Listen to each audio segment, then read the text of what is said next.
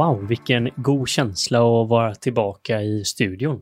Ja, och att se varandra. eh, Det kanske inte har märkts, det hoppas vi i alla fall inte, men vi har haft en hel del avsnitt som varit remote nu på grund av rådande omständigheter. Men idag så sitter vi här tillsammans, eh, i alla fall du och jag Mikael.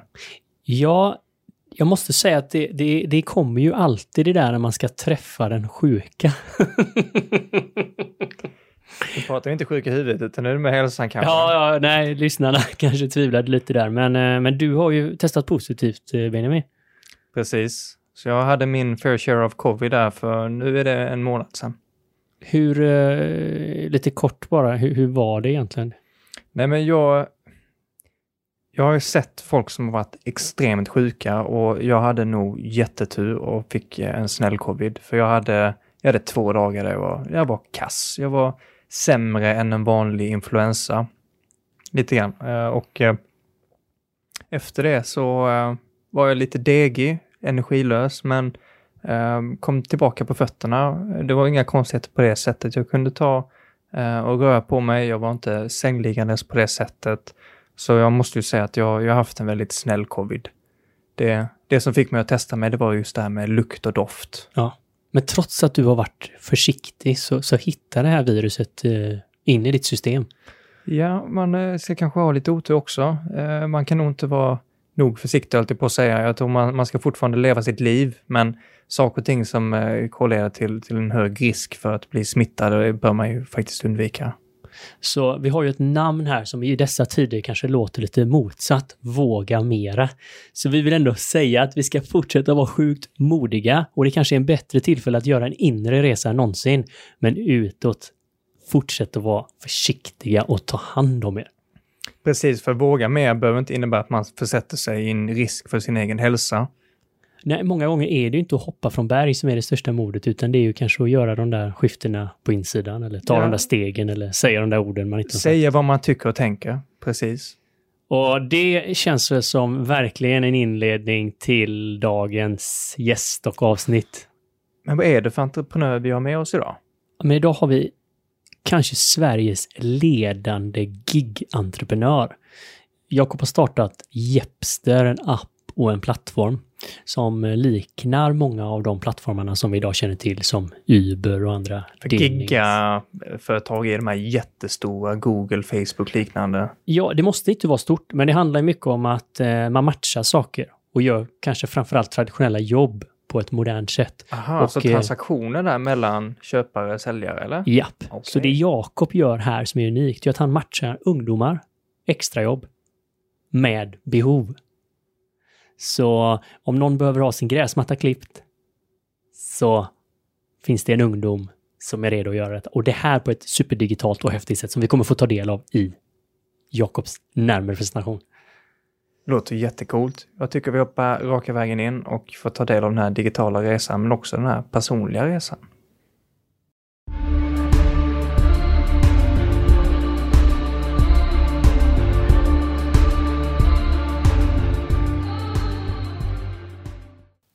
Idag så befinner vi oss i studion med en oerhört intressant person. Han har precis i stundande corona gått ut och sagt att han ska anställa 5000 personer. Han är Chalmeristen som eh, har blivit en av Sveriges ledande entreprenörer och verkligen utmanar på alla plan. Eh, Men han är också en fantastisk, härlig och varm människa. Så varmt välkommen Jakob Rudbeck! tack, tack, tack. Skitkul att vara här. Härligt att höra den klingande göteborgskan. Då känner man sig som hemma. Det är bra, då får vi neutralisera den med lite skånska. Ja, Ja, men man hör ju att din har blivit lite mildare här Jakob efter ett litet tag i Stockholm. ja precis. Eh, nej, man, eh, man, eh, det hamras ju bort alla kanter och hörn liksom. Så man hamnar någonstans i mitten till slut. Men så fort jag umgås med lite göteborgare så är jag tillbaks. Så ge det en Ja. kvart. Ja, men jag får ta jobbet här idag känns det som då. Jag Jajamän. vet, vi får, får höra en transformation genom hela avsnittet. Då. Exakt, du får vara Lo. Ja, men, men Jakob, vi, alltså, vi pratade lite här innan och bara den här galna tanken om, om att anställa 5000 personer. Eh, det är ju jobbigt att anställa en person. Verkligen. Hur, hur, hur har en sån här fullständigt galen idé ens kommit på tal? Nej, det, det är egentligen en rätt lång historia som handlar om eh, politikens spel, om eh, svenska välfärdssystemet, om eh, industriella revolutionen. Alltså det är väldigt mycket som har resulterat i att eh, vi har hamnat där vi har hamnat. Men kortfattat kan man säga att det dök upp ett fenomen för cirka 15 år sedan som kallas gigekonomi eller plattformsekonomi. Och den, alltså tanken att man digitalt ska kunna matcha köpare och säljare av tjänster på något sätt. Den är liksom inte ny, den har funnits rätt länge. Problemet är att den har lite utmanat den traditionella arbetsmarknaden. Så, så det har liksom blivit en clinch där. Och äh, dagens äh, arbetsmarknadsparter så att säga vill liksom inte riktigt acceptera den här digitala nya plattformsekonomin. Och den digitala plattformsekonomin tycker att allt i den traditionella arbetsmarknaden är trams. Eh, så vi har ju länge stått på ena sidan där och, och sagt eh, att det behövs regler och lagar och bra system för att privatpersoner ska kunna ta hjälp av varandra. Men efter att ha lagt närmare två och ett halvt år på att utreda det här så har vi landat i att ah, fasen, vi kan nog bli arbetsgivare ändå. Så i dagsläget har vi 5 500 ungdomar som har tagit jobb via Jepster. Då. Barnvakt, läxhjälp, hundpassning, så här, typiska enkla, eh, ofarliga ungdomsjobb. Eh, och nu då, eh, 1 januari 2021, så går vi i bräschen och som första gigföretag i världen så så ger vi dem en anställning då när de arbetar och sköter allt vad semesterersättning, pensioner, försäkringar och allt sånt där är. Wow! Mm. Det här låter ju som en helt motsatt trend mot vad vissa andra företag liksom går mot. Det här med att man, eh, man försöker hålla sig borta från de bitarna och lägger det på individen istället. Ja, precis. Om man tycker sånt här är intressant, eh, så att säga, framtidens arbetsmarknad och så, så är det ju många som har koll på Proposition 22 i USA till exempel. Vad är eh, det för något? Det är att Uber har i Kalifornien blivit stämda av en mängd olika parter för att eh, de inte tar sitt arbetsgivaransvar. Och så har de gått i clinch där och plöjt in närmare 100 miljoner dollar i att få igenom ett lagförslag då som klassificerar eller behåller klassificeringen av de här arbetarna som eh, egenanställda eller liksom, eh, ja. I, så att eh, alla som jobbar för Uber är då entreprenörer, eller hur ska man? Ja, precis. Och eh, den tanken är ju inte dum. Så här, nej, okej, okay, alla ska arbeta i egen energi. Men det blir problem när det handlar om heltidsjobb och, och vuxna människor som ska försörja sina familjer. Att helt plötsligt går inte ekvationen riktigt ihop. Så, så det vi har gjort under hundratals år och, och liksom bygga skydd då för eh, våra arbetare och allt sånt där. Eh, det ses det då lite som att Uber raserar. Eh, för oss då, som, eh, för att jobba vid Epsi så måste det vara mellan 15 och 24. Så det här är ju ungdomar som vill ha extrajobb vid sidan av sina studier. Nästan uteslutande. Eh, så det är inga heltidsjobb det handlar om. Men vi blir ju också en del i gigekonomin så att säga. Så det är därför jag har varit i SVT Agenda och pratat med arbetsmarknadsministern ett par gånger och finansministern och Skatteverket och vi har haft Riksrevisionen på oss och ja, hela gänget. Nu ska vi se, Mickes mikrofon åkte i... Ja, det är det här som är så jäkla häftigt när eh, jag tänkte säga det. Fnittet som kom, kom till där var att ena micken dog i, dog i backen. Ja, men jag blev lite exalterad här för att jag tycker att det här är så, så, så jädra spännande och eh, om, om, man ska säga på, på temat som vi ändå pratar om, det här att våga mera, mm. så är det så himla lätt att man, man går i strömmen och fastna lite i så här gamla sanningar. Och ofta blir det ju två läger. Man säger att ja, men, eh, den traditionella sidan som förespråkar säkerheten och anställningsformen och så de vilda giggarna då som ska riva upp och ner på allt och folk ska få betalt Ja. för det värdet man skapar och det ska inte finnas någon trygghet. Ja. Och så kommer du här Jakob och liksom rusta fram modet att se att det kanske finns en väg, ja, vad ska man säga, ovanför båda de här. Mm. Nej men precis, det måste ju till någon, eh, någon, någon tillräckligt galen eh, dåre för att och liksom försöka knäcka det här status quo. Och det är lite det vi gör. För när jag startade Epster och pratade med Skatteverket 2015 så sa de att nej, ni kan ju inte vara arbetsgivare. För jag är ju inte där på plats. Det är inte jag som förhandlar lön med ungdomarna. Det är inte jag som ger dem instruktioner om vad de ska göra. Det är inte jag som eh, betalar deras lön, etc. etc. Så det var rätt självklart för dem och våra jurister att vi inte var arbetsgivare. Eh, men samhället har ju ett, alltså ser ett värde i att vi skulle vara arbetsgivare. För det första så sköter vi då arbetsgivaravgifter och allt sånt här så att skatterna kommer in på rätt sätt och så. Och det är ju värde såklart. Eh, sen så finns det ju då också en part som tar lite mer ansvar för att eh, jobbet görs på ett eh, bra sätt. Att man får pengarna. ett... Ja, exakt. Precis. Ehm, så att Ja, men för annars så lönerna- är ju detta mycket av sånt som eh, har varit kontanthantering, eller hur? Verkligen. Så, så det är ju 100 procent, äh, inte 100 procent, men i alla fall 90 plus procent svart idag, den här marknaden. Den vita barnvaktsmarknaden i Ja, Sverige. men grannens eh, dotter klipper gräsmattan och Ja, passar barnen och... precis. Den vita barnvaktsmarknaden i Sverige idag är bara 100 miljoner. Medan den, den äkta eh, barnvaktsmarknaden är väl närmare 2-3 miljarder. Ehm, Menar du det alltså? Ja, absolut. Det är ju bara att fråga hur hur många som har arbetat som barnvakt genom eh, tiderna. Alltså, så gott som alla tjejer och vissa killar har gjort det. Men det är fortfarande, det syns ju ingenstans för att det är ju svart.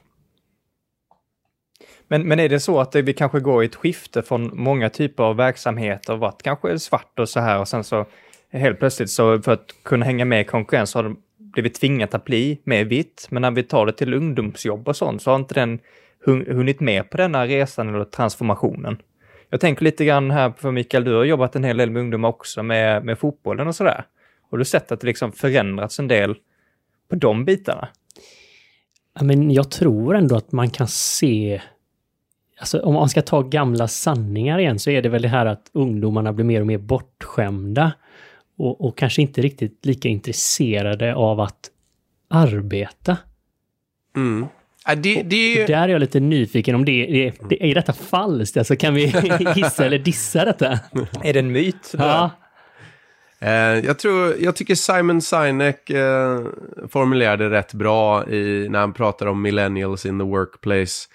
Eh, absolut ser man en trend att ungdomar är längre och längre från arbetsmarknaden. Jag tror inte det beror på att de är latare eller sämre på något sätt. Det är snarare att de är digitally native, alltså de är uppvuxna med en mobil i fickan som plingar kontinuerligt.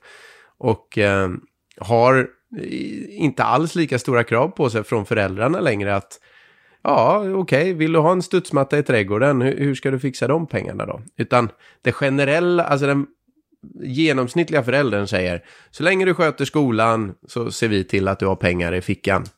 Och det är den största björ, björntjänst du kan göra mot dina barn. Alltså, Så det blir nästan som att det är jobbet för ungdomen då, att man ska klara av gymnasiet och att liksom gör man det bra så får man ehm, eh, en klapp på, på huvudet Ja. och en studsmatta. Exakt, och, och resultatet av det är att vi har ungdomar idag som kliver ur gymnasiet, aldrig har jobbat en sekund i sina liv, är helt ovana vid att ha någon slags professionell relation med en vuxen, komma i tid, göra ett bra jobb, skaka hand, förhandla lön, allt sånt är helt främmande för dem.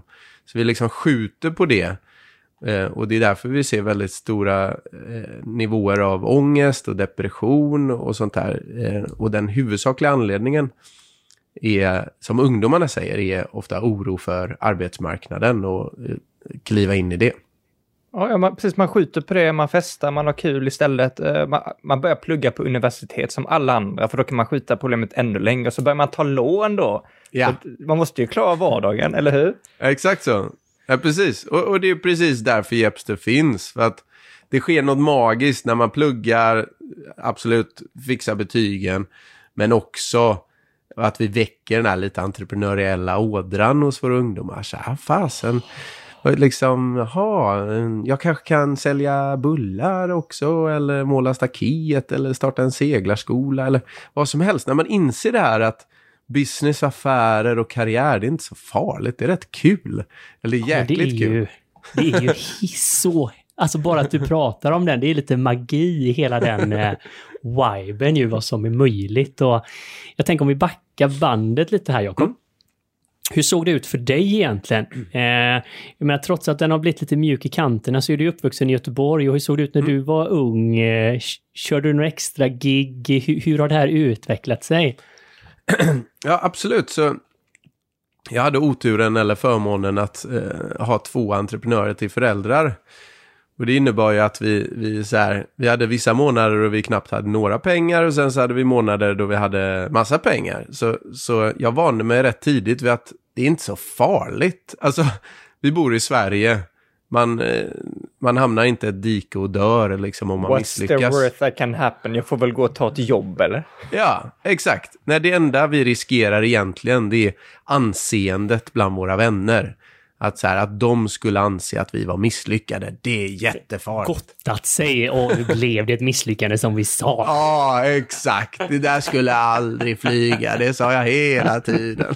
Han skulle tagit det där fina jobberbjudandet han fick på Volvo. Ja, Men, men, exakt. den, men den är nog kraftigare än vad, vad folk tror. Alltså den spärren, det är nog den största tror jag. Hur, hur, hur man ses från omgivningen. Du, den där är enormt kraftig. Och, ehm, ja, men när jag då var 13-14 och ja, man ville ha en studsmatta eller någon fin vinterjacka och så här så den största tjänsten jag tycker min eh, pappa gav mig var att han sa, ja okej, spännande, hur ska du tjäna ihop till den jackan då? Och då liksom satte de här kreativa safterna igång lite i huvudet. Jaha, vad kan man göra? Man kan sälja saft, man kan göra det ena och det andra. Och till slut kom vi fram till att jag kunde klippa gräsmattor i området. Eh, och så hjälpte pappa mig och så designade vi ett litet flygblad och så delade jag ut det i området. Och det ledde till mina första extrajobb då. och ett av de, eh, gång, en av de gångerna jag var ute och klippte gräsmattan så var det en, en gubbe som lutade sig över staketet och sa ja det där var en eh, handlingskraftig ung man. Eh, det ser man inte ofta nu för tiden. Nej, Nej tack så mycket. Eh, och sa jag det till pappa och pappa bara oj, vet du vem det är som bor där? Det är Dan Sten Olsson som bor i det huset. Jaha, ja, vem är han då? Nej men han är en jätteduktig entreprenör. Och så blir jag lite nyfiken. Så efter ett tag så eh, byggde jag upp lite, lite, vad ska man säga, lite mod. Och så gick jag över och knackade på dörren. Hos honom. Hur, hur gammal är du här? Är du fortfarande 13 år eller har vi blivit Ja, äldre? men, nu är jag, vad är jag, 14, 14 och ett halvt, 15, ja, där någonstans. Jag hade sett och vinkat några gånger över staketet och så här. Men så gick jag över och knackade på och han eh, sa så här, ja, hej, hej min unge man, alltid välklädd och kravatt och, och så här, ordning och reda liksom. Uh, så jag, hej Dan, hej. Eh, hur kan jag stå till tjänst idag? Eh, jo, jag hade hoppats att du kunde lära mig allt du kan. Sa jag. Jag får rysningar alltså. Jaha, sa han och kliade sig i huvudet. Hur, skulle du föreslå att det skulle gå till då? Och sa jag, ja men jag kanske kan få följa med dig till jobbet eller så här någon dag. Och så tittade han på mig och sa, nej, nej jag kan inte ha med någon eh, pojkvasker där på mina styrelsemöten, det går inte. Så, så här, pojkvasker, vadå? Jag var ändå så här, nästan 15, så, här. så då blev jag lite förnärmad nästan. Och Så här, nej, vad kan du göra då? Sa jag till honom. Förhandling i tidigt skede, hör jag. Och då blev han lite så, oj, oj, oj. Nej, men, eh, så tänkte han ett tag och sa, nej men eh, vi skulle kunna ta en, en promenad eh, varannan månad eh, på söndag morgon. Eh, och så om du har lite frågor om eh, karriär och utbildning eller ja, så här så, så hjälper jag gärna till om jag kan. Och det var starten på ett 16 år långt mentorskap. Dan var på eh, mitt bröllop här förra året faktiskt. Eh, så inte bara ett mentorskap utan också en vänskap ska jag säga. Eh, och alla de här möjligheterna finns ju överallt i vår värld. Alltså överallt där det finns familjer i behov av hjälp finns det också ungdomar som vill jobba. Och överallt där de här interaktionerna sker så finns det möjligheter att det blir just mentorskap. Jag, jag tänker på min far som exempel. Hade han eh, Eh, hittat eh, eller kommit i kontakt med någon eh, duktig ungdom i området så hade han utan tvekan kunnat ställa upp som mentor. Så det, det finns så mycket magi som sker när vi kopplar ihop de här två generationerna. Men, men då har jag en, en, fråga som, om vi tar tillbaka det här till nutiden då, nutidens ungdom, eh, som har blivit allt mer digitaliserad och liksom, man kan nästan tejpa iPhonen i pannan. Eh, för mig känns det som att man missar lite grann av den här, det här utbytet med personer, att man går och knackar dörr eller att man liksom mm. säger hej till någon vid, vid busstationen. Eh, och hur tänker ni där idag med den här ungdomen som kanske har förändrat beteende men också liksom vad, vad, man vill och så här och ändå försöka nå ut hela vägen och ja. göra det via liksom en mer digital plattform, antar jag. Eh, jag ser det bara som att behovet är ännu större. Alltså det finns 1,2 miljarder ungdomar mellan 15 och 24 i världen idag. Och en bit över 900 miljoner av dem söker ett extrajobb nu. Och det är inget företag som riktigt ser det som ett problem värt att lösa förrän nu då. Eh, så jag ser det som en jättemöjlighet. Och det här med att ungdomar är extremt digitala idag, ja, det är en riktigt stor utmaning vi måste lösa. Eh, jag antar och hoppas att ni har sett Social Dilemma. Den säger väldigt mycket om det som pågår i världen idag. Om ni inte har gjort det så, så tycker jag ni ska se den. Eh, men det finns ett, ett behov där eh, underst, eller innerst inne. Och ungdomar skulle jag argumentera är den grupp människor som har bestraffats absolut hårdast av den digitala världens ankomst. Eh, inte nog med nätmobbing och bullying och prestations eller så här eh, jaga likes och att eh, uppleva att man är ute eller kass allt för ung ålder. Det finns också en massa spel som suger ut deras pengar. Det finns nätpedofiler och prowlers och eh, deras uppmärksamhet och det triggas ju hela tiden av notiser och så här så att man aldrig riktigt behöver tänka de här djupa tankarna. Så det är liksom dags att det byggs bolag som, som hjälper våra unga och, och ser till att de hamnar rätt i, i livet. Så ja, jag kan bara hålla med och säga att det är ännu större behov. Jag, jag, tänker på det du sa här, bara om det är någon som inte har sett den här Social Dilemma. Det är verkligen att rekommendera, det var tur du sa det där. Och det är ju så mycket som bygger på, är det, är det verkligen fair att ta en ungdom som kanske är där 12, 13, 14 och göra den ungdomen till en produkt av de här, vi kallar det gigaföretagen, alltså de här jättestora företagen som Facebook, Google etc. Mm. Eh, vad den här stackars ungdomen används som en produkt för att an annonsintäkter ska komma in, kanske en lokal eller något, något annat bolag. Ja. Eh, och, och liksom den här effekten för beteendet på den här personen. Jag mm. menar, går man tillbaka liksom 20-30 år så ja, då var man kanske nöjd om man var bäst i klassen på killerboll eller mm. bäst på skolan på schack. Men idag så spelar inte det roll för att man är inte bäst om man kollar på YouTube eh, eller liknande. Det finns Nej. ju alltid någon som är bättre. Ja, precis. Det, alltså, det här kan jag snacka om länge. För jag, det här är så jäkla viktigt alltså. Nej, men eh, det, det, du är inne på där är ju helt korrekt. Och jag är optimist. För kikar man på Facebooks market cap idag, vad de är värda, och delar med antalet användare de har, då landar man någonstans på att värdet på en användare tycker marknaden är, jag vet inte, 10 dollar eller vad det är. Eh, och, och, det var det värt att kasta annonser på den här ungdomen då varje dag de vaknar, varje morgon, varje kväll och så. Det är ungefär vad det, det är värt liksom.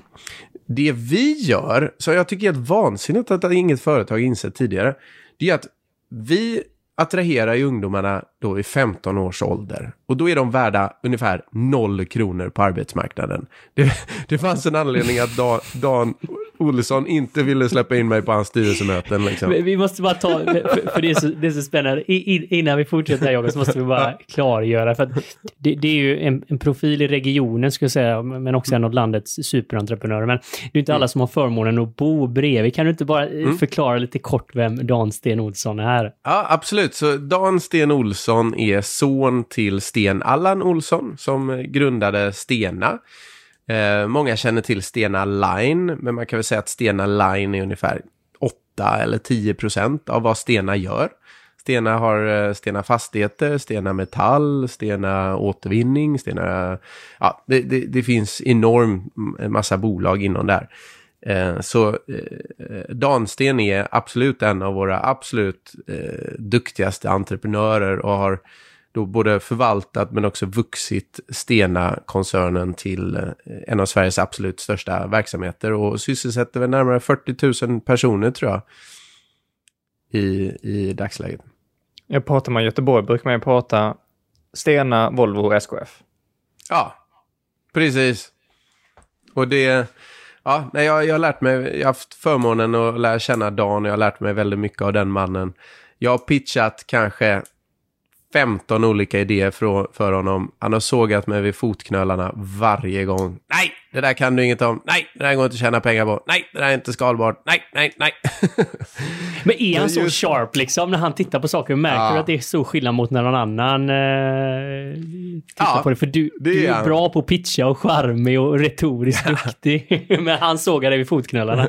Ja, nej men Precis, det där har jag haft emot mig hela livet. Och det, det är också väldigt tacksam för Dan att han sa det. Att så här, Jakob, eh, du kommer behöva jobba tre gånger så hårt som alla andra. För du ser bra ut och du för dig som en typisk säljare. Så eh, du, du kommer behöva bevisa det tre gånger hårdare. Och då har jag sett till att göra det. Så jag har liksom två masters med Mensa, har jobbat på BCG. För att ha CV och säga så här, nej, jag är inte bara en trevlig säljare liksom. men... Jag må vara modell också, men kolla mitt CV. ja, precis. I'm not just a pretty face. Nej, men... Men så, så det är lite intressant det där att man, man kan inte vara snygg och trevlig och framgångsrik ingenjör. De går inte riktigt ihop. Nej, men, alltså, så är det ju faktiskt. Eh, folk har ju en bild av hur en, en utvecklare ska se ut. Eh, vår teknikchef Jesper är ju bevis, motbevisar ju alltid det. Han är liksom crossfit-atlet, eh, toppnivå i Sverige liksom. Så man har en massa gamla bilder i huvudet av hur en säljare ser ut, en ingenjör etc.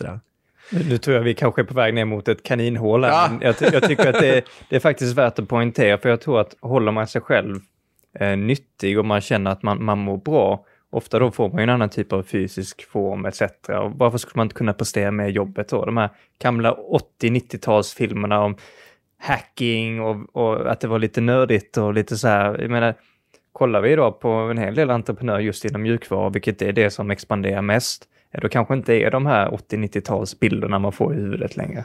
Ja. Nej, nej, men precis. alla jobb egentligen, eh, just det här att vi har förknippat framgång med att eh, livet skulle bli åsidosatt. Att ja. sitter du och är en duktig chef, då, då är du fet, grå, mm. tappat energin, det enda du har är en snygg kostym. Mm. Är du en framgångsrik entreprenör så har du jobbat sönder dig, stressskadad. Är du en utvecklare så sitter du och dricker Jolt-Cola och liksom sockrar sönder kroppen inifrån. Alltså, på något sätt var ju bilden att man kraschade sig för att vara där man var. Ja, ja verkligen. Men det där motbevisas ju, tycker jag, hela tiden. Alltså man ser ju Elon Musk och Steve Jobs och de här fanatikerna som absolut lyckas. Eh, men de är djupt eh, olyckliga människor. Och det, det, finns någonting där. Alltså människor som är konstant missnöjda når ju ofta väldigt långt. För de är ju aldrig nöjda. Nej, men det finns ju en energi i det momentumet. Men det finns ja. ju tyvärr en baksida på myntet också. Ja, verkligen. Eh, och det blir ofta rätt kortlivade eh, resor. Men jo, för att återkoppla till det vi pratade om kort där, eh, när vi pratade om Facebook och marknadsföring och så här. Så en, en de, den modell som funkar i världen idag digitalt är annonsmodellen. Så 10 dollar är vad man är värd att kasta annonser på. Men med gigekonomin så sker ju någonting annat. Så tar vi Jepster då som exempel. När du är 15 är du värd 0 kronor på arbetsmarknaden. När du är 24 så är du helt plötsligt värd en jäkla massa pengar. Så någonstans där sker ju en värdeökning. Alltså om vi ser ungdomen som en resurs så är det ju en, en värdeprocess som sker där den resursen ökar i värde. Och om vi på Jepster kan göra den resursen ännu mer värd, alltså vi kan sätta fem referenser på Micke Junior och visa att han är både pålitlig och driftig och kommer i tid och, och gör ett bra jobb och så här. Då ökar vi ju ditt värde ännu mer så att säga. Och, och då är vi med på den resan. Så där är ju våra intressen åt samma håll. Alltså ungdomen vill bli mer värd på arbetsmarknaden och vi vill också att ungdomen ska bli mer värd på arbetsmarknaden för då kan vi tjäna mer pengar. Så våra ungdomar som har nått nivå 5 eh, och då har låst upp företagsjobb. För först måste du ta privatjobb och visa att du är pålitlig och duktig och så här. Sen när du levlar upp då på Jepster och når nivå 5, då låser du upp företagsjobb och kan tjäna mer pengar. Jag, jag tänker ja, de så här, är ju då är, värda, då jag, tjänar vi i genomsnitt så här 6 000 spänn på en sån ungdom. Ja, ah, sorry. Jag, jag, jag, är en ungdom och mm. jag hittar Jepster på mm. webbsidan. Uh, jag, jag, läser det här med levlar och sånt, men jag förstår inte riktigt. Hur, hur gör jag? Hur gör jag för att ta mig uppåt och vad innebär det här? Alltså, för det första så är det bara att eh, ja, men komma igång. Så eh, sen någon månad tillbaka så ligger det ett jobb där som alla ungdomar i Sverige kan ta. Och det är att dela ut flygblad i sitt eget område. Då får du betalt av Jepster två timmar för att, att dela ut dina egna personliga flygblad. Du får skriva ut dem själv, 50 stycken. Men då skickar vi dig en pdf med din egen personliga kod. Så varje sign-up som görs sen blir en av dina potentiella kunder. Så, så, så kickar vi igång ett område då. Så, det, det så de här jag... killarna och tjejerna, de börjar på samma sätt som du gjorde? Ja, för konstigt nog så är det den marknadsföring som verkar funka allra bäst. Alltså ett, eh, ett, eh, utskrivet A4, det får inte vara för proffsigt gjort för då ser det ut som reklam utan det, det, är därför de är rätt fula de här flygbladen ungdomarna delar ut. Nej, men, annars så blir det bara ytterligare ett reklamblad liksom. Så hej, Micke Junior heter jag, 17 år, bor här på Bögatan. Eh, via Jepster hjälper jag till med läxhjälp, eh, hundpassning. Eh, du kan boka mig med koden här nedanför. Eh, så, så det är ett jobb som finns för alla ungdomar. Men sen så finns det ju jobb i ditt område då. Så vi har nu blir vi eh, fancy här, men vi har en machine learning-algoritm som matchar köpare och säljare. Så när du har berättat att du är x år gammal, du har de här erfarenheterna, du har eh, körkort, du vill jobba med trädgårdshjälp, då matchar vi dig då med rätt eh, kund så att säga som liksom letar trädgårdshjälp, är nära dig, har varit aktiv under senaste tiden bla bla bla. Så att när du söker då eh, så har du störst chans att få det jobbet. Blir det så då att desto fler jobb jag tar mig an som en ungdom, att jag kan gå upp till nästa steg eller att, att jag blir mer ja. metod till andra mer avancerade grejer? Exakt, precis. Så vi har tio levels på Jepster. Det finns bara sju ungdomar på level 10 än så länge. Eh, och vi kommer ta alla de ungdomarna och flyga till London så fort det går och besöka Facebook och Google och göra en riktigt häftig studieresa. Vi, vi ska liksom bli eh, ja, men som, som eh, jultidningar fast eh, på riktigt liksom. Vi ska bli den praktiska skolan. Men exakt så, du tjänar XP, erfarenhetspoäng på alla jobb du gör. Eh, du tjänar XP om du vågar utmana dig själv och testa nya kategorier så att du inte bara sitter barnvakt livet igenom. Du tjänar XP om du jobbar för nya personer. Eh, och du tjänar XP beroende på vilka ratings du får och hur, ja, hur pålitlig och hur bra jobb du gör. Och så går du upp i nivå. Eh, allt eftersom du går upp i nivå så höjer vi din rekommenderade lön. Eh, och hjälper dig då för att handla upp din lön med existerande relationer. Och när du når nivå 5 då låser du upp eh, jobb för företag. Så vi har haft närmare 180 företag som då tar hjälp av ungdomar. Det kan vara enklare lagerjobb, eh, eventjobb, eh, streama basketmatcher hade vi. Vi hade 400 matcher streamade vi en helg här med våra ungdomar. Så det, ja, det finns lite allt möjligt. Det här är så jäkla fräckt, för jag, jag frågade ju innan för ett tag sedan, hur möter man dagens ungdom mot liksom 20 år sedan när det var olika intresseområden och sådär och idag sitter telefonen i pannan. Och nu hör jag tendens av gamifiering här lite grann med XP och Ja. level, så det var... Där har vi den! Jo, men jag gillar den här referensen som alla, alla kan, om man säger som jultidningarna. För det fanns ju delar i det också med olika levels och bonus. Jag kommer ihåg själv hur man drömde om att komma upp på den här helt omöjliga nivån. ja, men det, är- alltså det var ju fruktansvärt på ett sätt. Vi blev ju alla lurade liksom. Man såg det där. Stackars farmor, hon köpte som en galning. Ändå kom man typ till level 2. Liksom. Ja.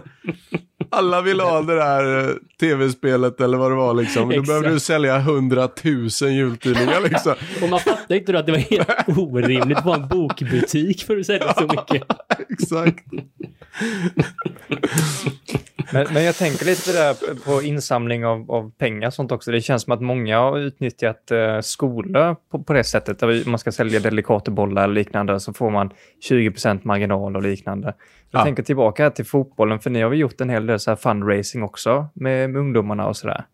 Det är ju alltid en ständig fråga hur man kan skapa intäkter, skulle jag säga, till ideell verksamhet. Men hur man också kan använda ungdomarna och dess eh, nätverk. Så eh, Mm det skulle vara skitcoolt att se om, om, om Jepster skulle kunna hitta ett sätt att hjälpa till där. För det kan jag också tycka är så här lite föråldrat sätt mycket. Ja, verkligen. Nej, jag ser verkligen eh, fram emot ett, ett samtal eh, någon gång eh, från Brommapojkarna eller scouterna eller en skolklass. Eh, för jag är övertygad om att vi kan hitta någon bra lösning där. Alltså, det är ju inte svårt för oss att eh, lägga till så att eh, 10% går till klasskassan eller något sånt här. Och jag kan tänka mig att folk hellre tar hjälp i trädgården av någon fotbollsspelare i IFK Göteborg, alltså någon av juniorerna, än att köpa jäkla strumpor och skit man inte behöver. Man är så trött på de här korvarna och grejerna man prackas på. Vi kanske ska göra en liten MVP eller någonting ute på Björke med IFK Björke. Ja, absolut. Varför inte? Jag, jag är helt öppen för det. Eh, liksom, så länge, så länge eh, det funkar för alla parter, så att säga. Jag vill ju inte heller justera så att ungdomarna får någon slags lön som inte är okej, liksom. Men jag är övertygad Nej, det ska vara... Det, det är ju väldigt tydligt i allt du har sagt egentligen från början att det går ut på att skapa alltså win-win-win, att, att alla är vinnare i, i detta. Det känns väldigt tydligt i Mm. din strategi. Ja, men man kanske inte behöver kompromissa eller man kanske höjer priset lite grann och sen så förstår Ja. eh, personen som köper tjänsten att ja, det går ju en, en slant till Ja. en förening också. Det, det, Exakt. tycker, det tycker jag är, är så fint, att för vi, vi hör ju här att det finns en extremt stor um, outnyttjad arbetskraft här. Mm. Och jag menar, många ungdomar är, sjukt smarta. Jag, jag tänker tillbaka till mina bröder bara till exempel. Och, ehm, Inte, inte du själv. Nej, han är undantag. Han är en late bloomer. Ja, väldigt ödmjuk. jag, jag, jag väntar några år till innan... Jag trodde han skulle säga, jag tänker tillbaka till mig själv. Ja, jag tänker tillbaka till mig själv. Nej, men det och sen är det ju sjukt svårt att komma in på, på arbetsmarknaden som ungdom också. Jag kommer ihåg själv, även på slutet, när man hade kommit ganska långt i ingenjörsstudierna och skulle jag säga var ganska attraktiv egentligen. Det var, det var svårt att få sommarjobb. Ja, ja verkligen. Det var hände med dina Nej, bröder? nej men, eh, men, men de har ju börjat, eh, börjat jobba lite så här eh, i, i hamnen som hamnvärd och liksom Ja. så här gå och, och samla in pengar, vilket jag tycker är, är sjukt bra faktiskt. Mm. Det, det jag tycker är lite tråkigt så här trendskifte kanske, det är, när, när jag var i Latinamerika till exempel, eller vissa andra länder, du har varit i Asien en hel del också Mikael, där ser man ju ofta att man tar in tjänster på ett annat sätt, så folk som tjänar mer pengar, de eh, nästan anställer folk för att laga mat eller ta hand om hushåll och tar man Indien till exempel, det här kan du ju mycket mer om än vad jag kan Mikael, men där, där ser man det som en fin grej, att den som har mycket pengar delar med sig av de pengarna för att skapa jobb till andra. Men här i Sverige så är väl antagligen årets julklapp nu en automatisk gräsklippare eller en automatisk eh, dammsugare. Det blir Mm. liksom, vi går ifrån det här med att jobba med andra till att man ska bli så eh, enskild som möjligt och liksom Ja. Nej, ver- verkligen, verkligen. Eh, jag, jag skulle vilja säga att de, den kultur som gjorde att Sverige blev ett av världens mest framgångsrika länder, som tog oss ur alkoholism och fylla och vi var ju inte i något bra skick för hundra år sedan liksom.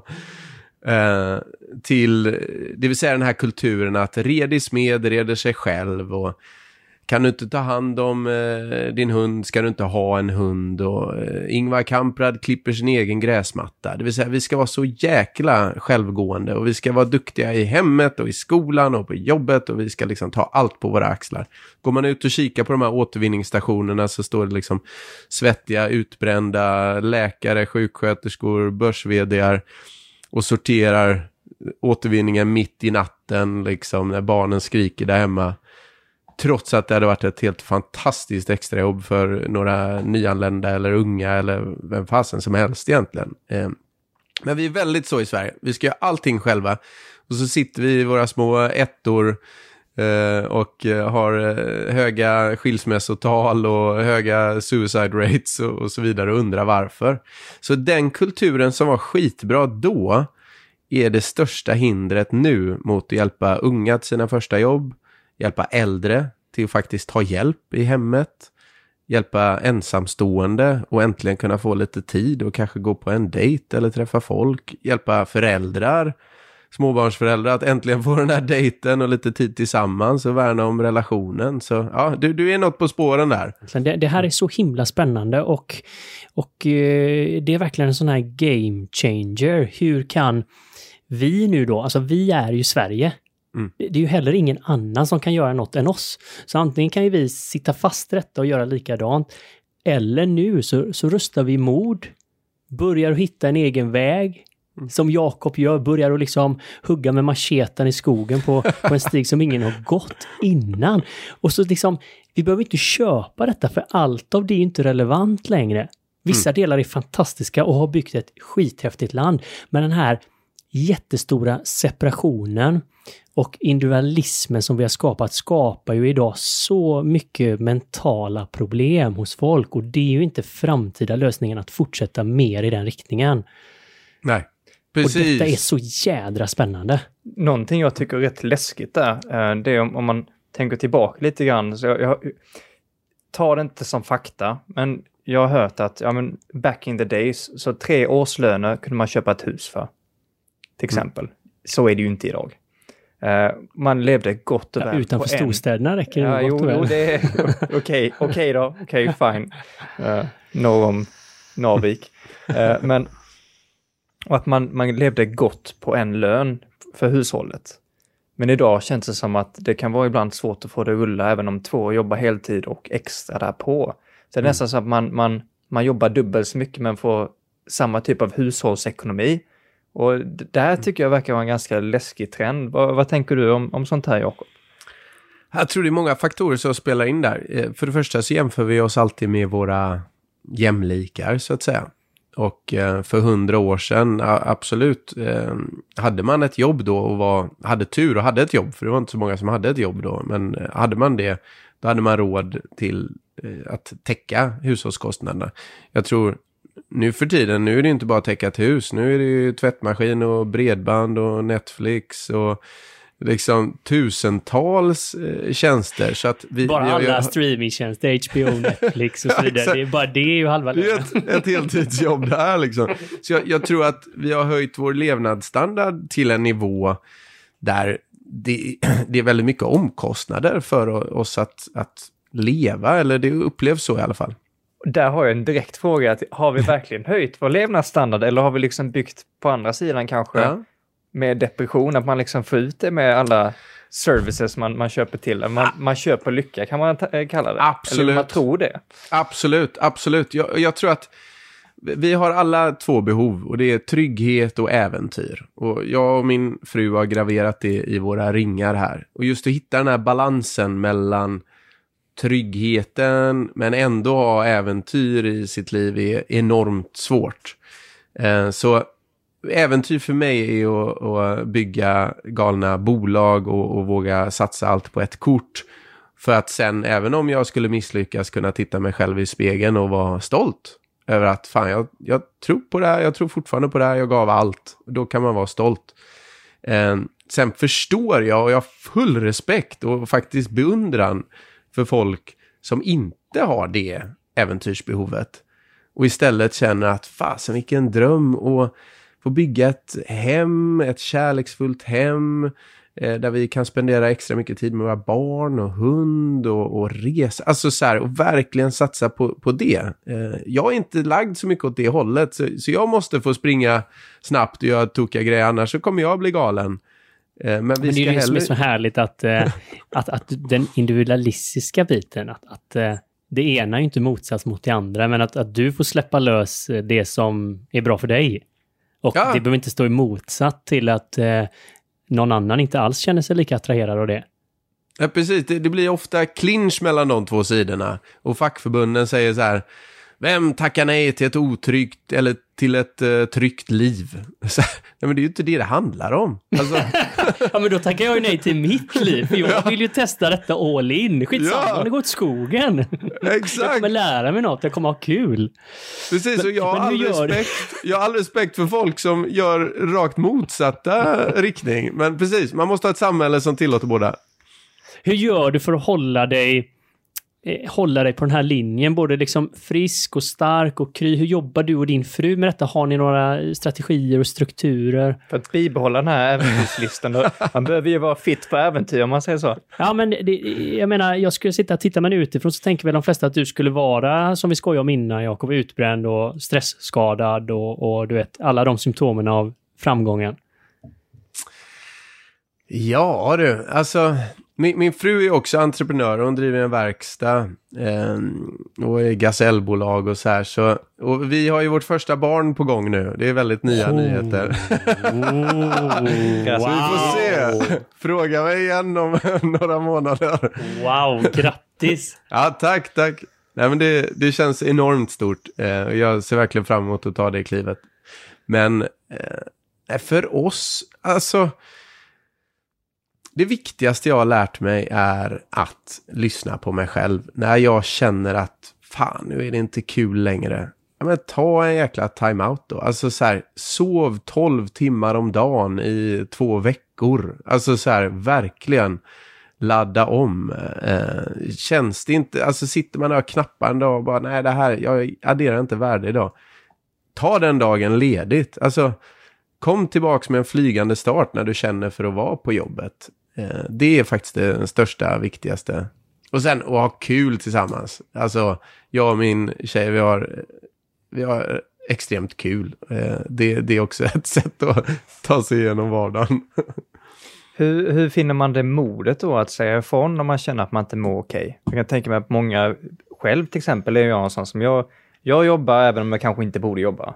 Hur, hur tar man då modet att säga ifrån där? Att det här, nej, nu, nu behöver min kropp vila så att jag, jag jag ska inte till jobb. Ja, jag ska inte säga att alla kan göra det här, för det finns garanterat folk som jobbar med chefer som är väldigt ruttade i ja, Facetime och du ska vara här vissa timmar och så här. Men jag tror att många skulle bli förvånade över hur många chefer som faktiskt uppmuntrar det och blir glada när någon äntligen skriver att eh, Hörru, idag känner jag att det är bara gröt i skallen, jag är hemskt ledsen. Det är, jag, jag tar ledigt idag och så kommer jag med full rulle nästa måndag istället. Eh, så, så min, mitt tips är bara att, att prova och, och, se hur det landar. Och är du hos någon chef eller någon person som inte kan se värdet i det så ja, antingen får man försöka prata med den personen eller, eller kanske se sig om. Ja, men det, det, är så fint det här egentligen hur du säger att först checka in, känna efter, vad är mitt behov nu? Vad behöver jag göra? Och sen hör jag nästan du säger lite testa chefen. För jag menar, man, man, man lär ju sig också mycket på resultatet man får. Mm. Har, har, man gjort det tre gånger och känner att det här är helt ifrån mig, alltså det, det finns kanske ingen anledning att fortsätta att lira med den personen då. men, men, jag tänker att det är lite av ett spann, va? Alltså att man, man kan mm. ha en person som är skitambitiös och man känner att ah, shit, den här individen måste vila. Sen kanske man har en person som man bara att den personen borde nog söka ett annat jobb för det har ingen energi överhuvudtaget. Och mm. vissa kanske vabbar hit och dit och utnyttjar sånt i systemet. Och du har ju haft hand om jättemycket människor, Mikael, och kanske känt på en hel del individer och jag tror eh, här Jakob med, med de här nya 5000 ungdomarna att det finns nog en hel del olika liksom på det här spannet. Om jag, tror, jag skulle vilja höra vad du säger sen Jakob, men av alla människor jag har jobbat med så skulle jag verkligen ändå säga att det ryktet som jag har hört om att folk inte är intresserade av att göra ett bra jobb, det har jag stött på ytterst få gånger i hela min karriär. De flesta människorna är väldigt ambitiösa och vill göra ett bra jobb. Är det då fel, fel eh, person på fel plats? Det är ja, det är många andra fel också. Det är fel strukturer, det är fel ledning, eh, det, det, är mycket andra fel. Det är oftast inte fel på människan. Nej, jag, jag håller med om det. Um, jag, men, men, det finns många nyanser av det där. Jag har jobbat på oljeriggar i Nordsjön, guldgruvor i Nya Zeeland.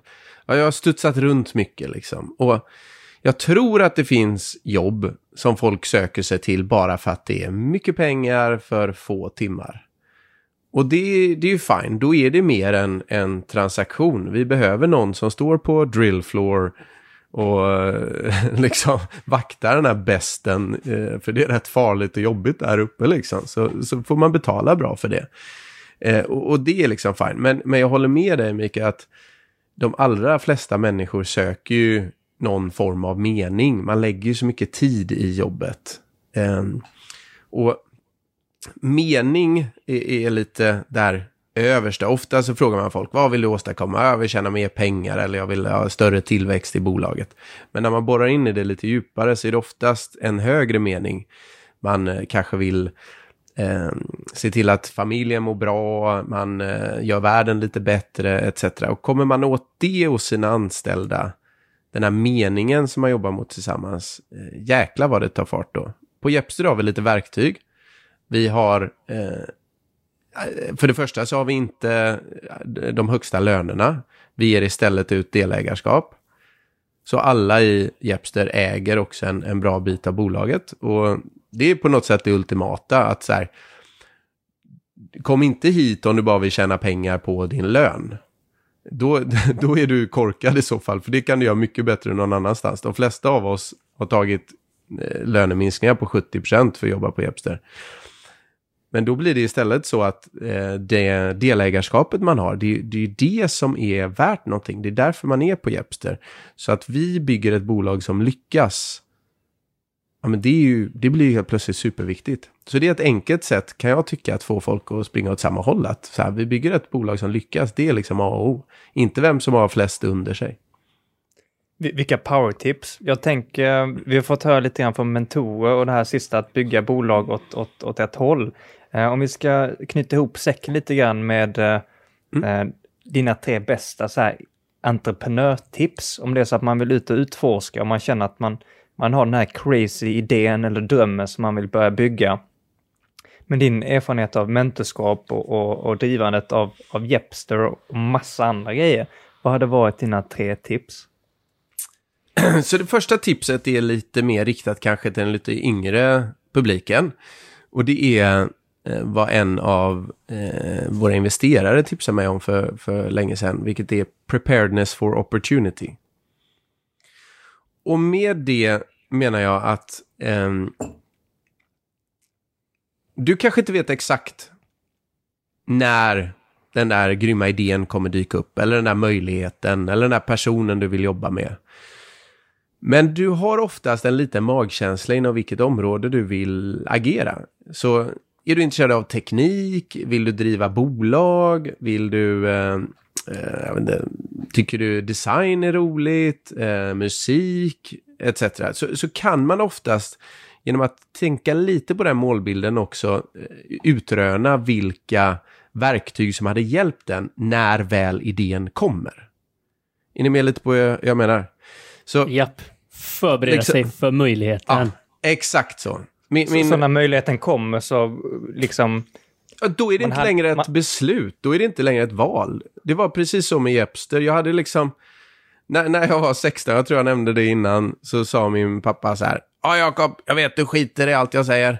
Men gör inte som jag, gör inte som mamma, starta inte eget direkt efter plugget. och det var faktiskt en väldigt bra tips. För det, det är rätt mycket konkurrens där ute. Och min eh, pappa han offrar ju liksom all tid med oss barn och jobbar stenhårt. Och hade liksom vatten upp till näsan hela tiden. Ehm, så under den tiden så applicerade jag lite där omedvetet. Vad kan jag tänkas behöva? Jo, jag kommer vilja driva något entreprenöriellt. Då behöver jag någon form av ledarskapserfarenhet. Jag behöver någon ekonomi i grund och botten. Jag tycker teknik är, är kul så jag får arbeta med något inom det. Jag vill ja, lära känna de smartaste människorna så då blir det liksom BCG och, och det spåret. Så kan man liksom, vet man ungefär vad man ska, se till att pussla ihop de bitarna. För sen när idén väl dyker upp, eller den här människan du vill jobba med, då kan du inte längre stoppa dig. Då är det inte ett beslut riktigt. Då har du allting klart. Då, då, då springer du bara på. Så det, det är min första, mitt första tips. Preparedness for opportunity.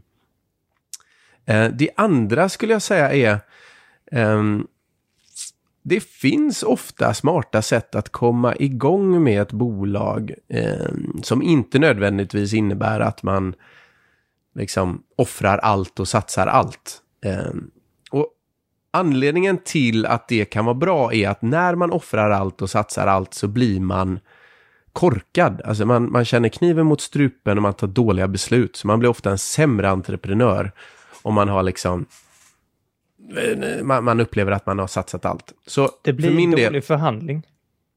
Ja, precis. Du, du har ingen förhandlingsutrymme.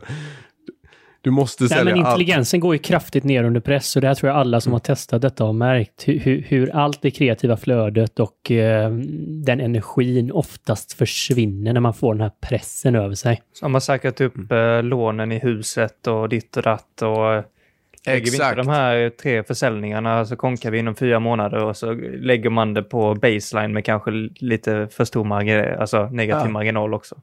Ja, precis så. Och jag ser ofta då, det är då folk börjar liksom eh, ta så här, ja men dåliga beslut men också sådana här tvivelaktiga beslut som gör att man börjar fundera på vad det är för person. Liksom.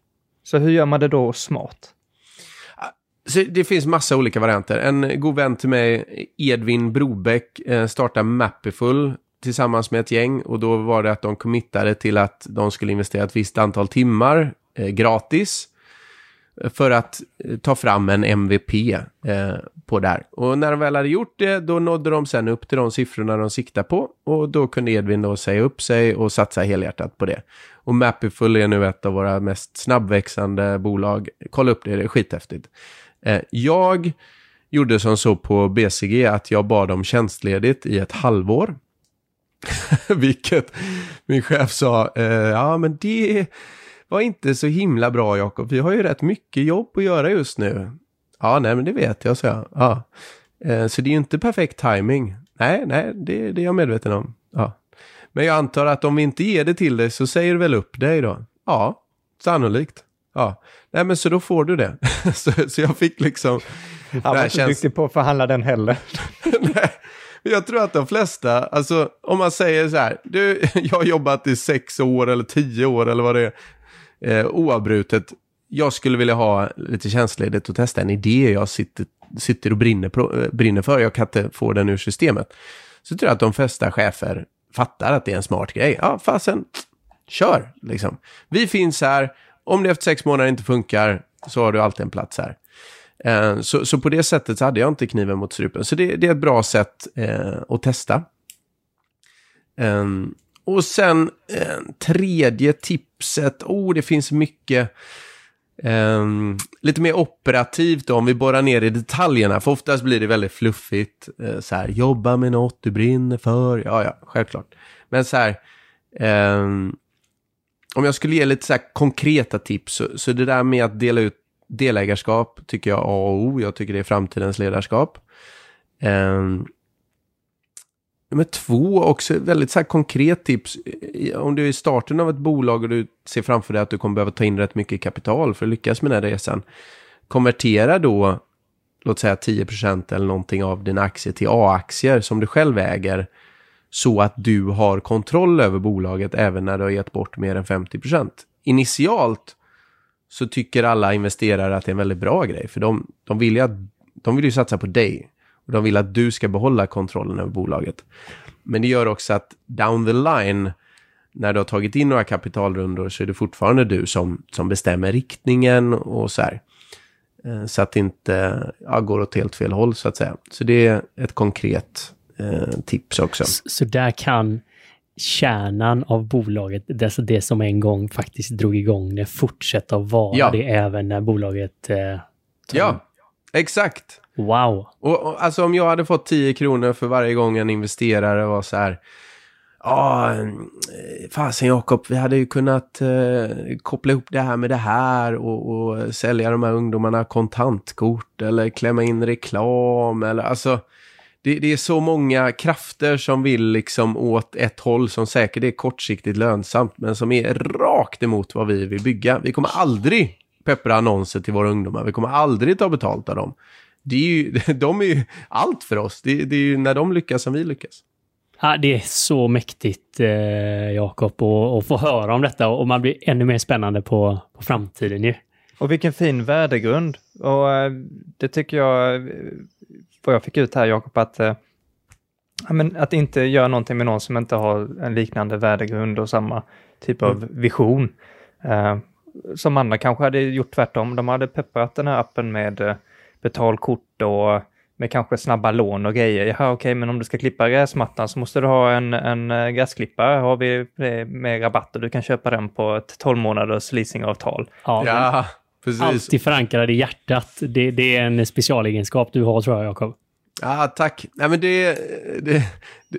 Alltså, det går inte att göra business på något annat sätt tycker jag. Fan, att hålla på och oroa sig över eh, vem man lurade härnäst eller så här. Nej, keep it simple and honest och eh, wear your heart on your sleeve. Alltså, det blir för jobbigt annars. Så.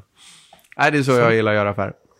Så med den, eh, den fina eh, summeringen så tackar vi ödmjukast för att ha fått ha dig här idag med oss. Tack själva. Ah, helt fantastiskt, Jakob. Ja. Alltså. Fy tusan vad kul! Ja, riktigt kul samtal och, och Ja. ja, härligt. Och det var, jag älskade också att snurra loss och dyka ner lite i kaninhål. Så tack så jättemycket. Tack för en Ja, kul du, det podd. är vi som tackar allra ödmjukast. Jag tror det här kommer inspirera hela Sverige. Alltså. Ja, det alltså, hoppas jag. Så, så länge fler ungdomar får sina första jobb och grannar Alltså, det börjar lära känna det varandra jobbet. igen. Ja, det är ju där det börjar, det här entreprenöriella tänket och... Ja. Jag, jag måste be om ursäkt också för att vara så själviskt och fråga de här eh, tipsen för min skull. Ja, men det var ganska uppenbart faktiskt. Så eh, Jakob, om man vill eh, få kontakt med dig, hur, hur gör man då? Alltså det, det enklaste är nästan att lägga till mig på LinkedIn. Eh, för där hänger jag en del. Annars så kan man dra ett mail till jakob.rudback.jepster.com och då är det Jakob med C. Och Jepster stavas ju Y-E-P-S-T-R.com. Så om man är ungdom och vill ha jobb eller om man vill anställa en ungdom så går man in på jepster.com. Ja, precis. Och ladda ner appen. Eh, Det är det absolut enklaste sättet. Och där kan du se då duktiga ungdomar i, i närområdet som söker jobb. Eller jobb då, om du är ung och vill jobba.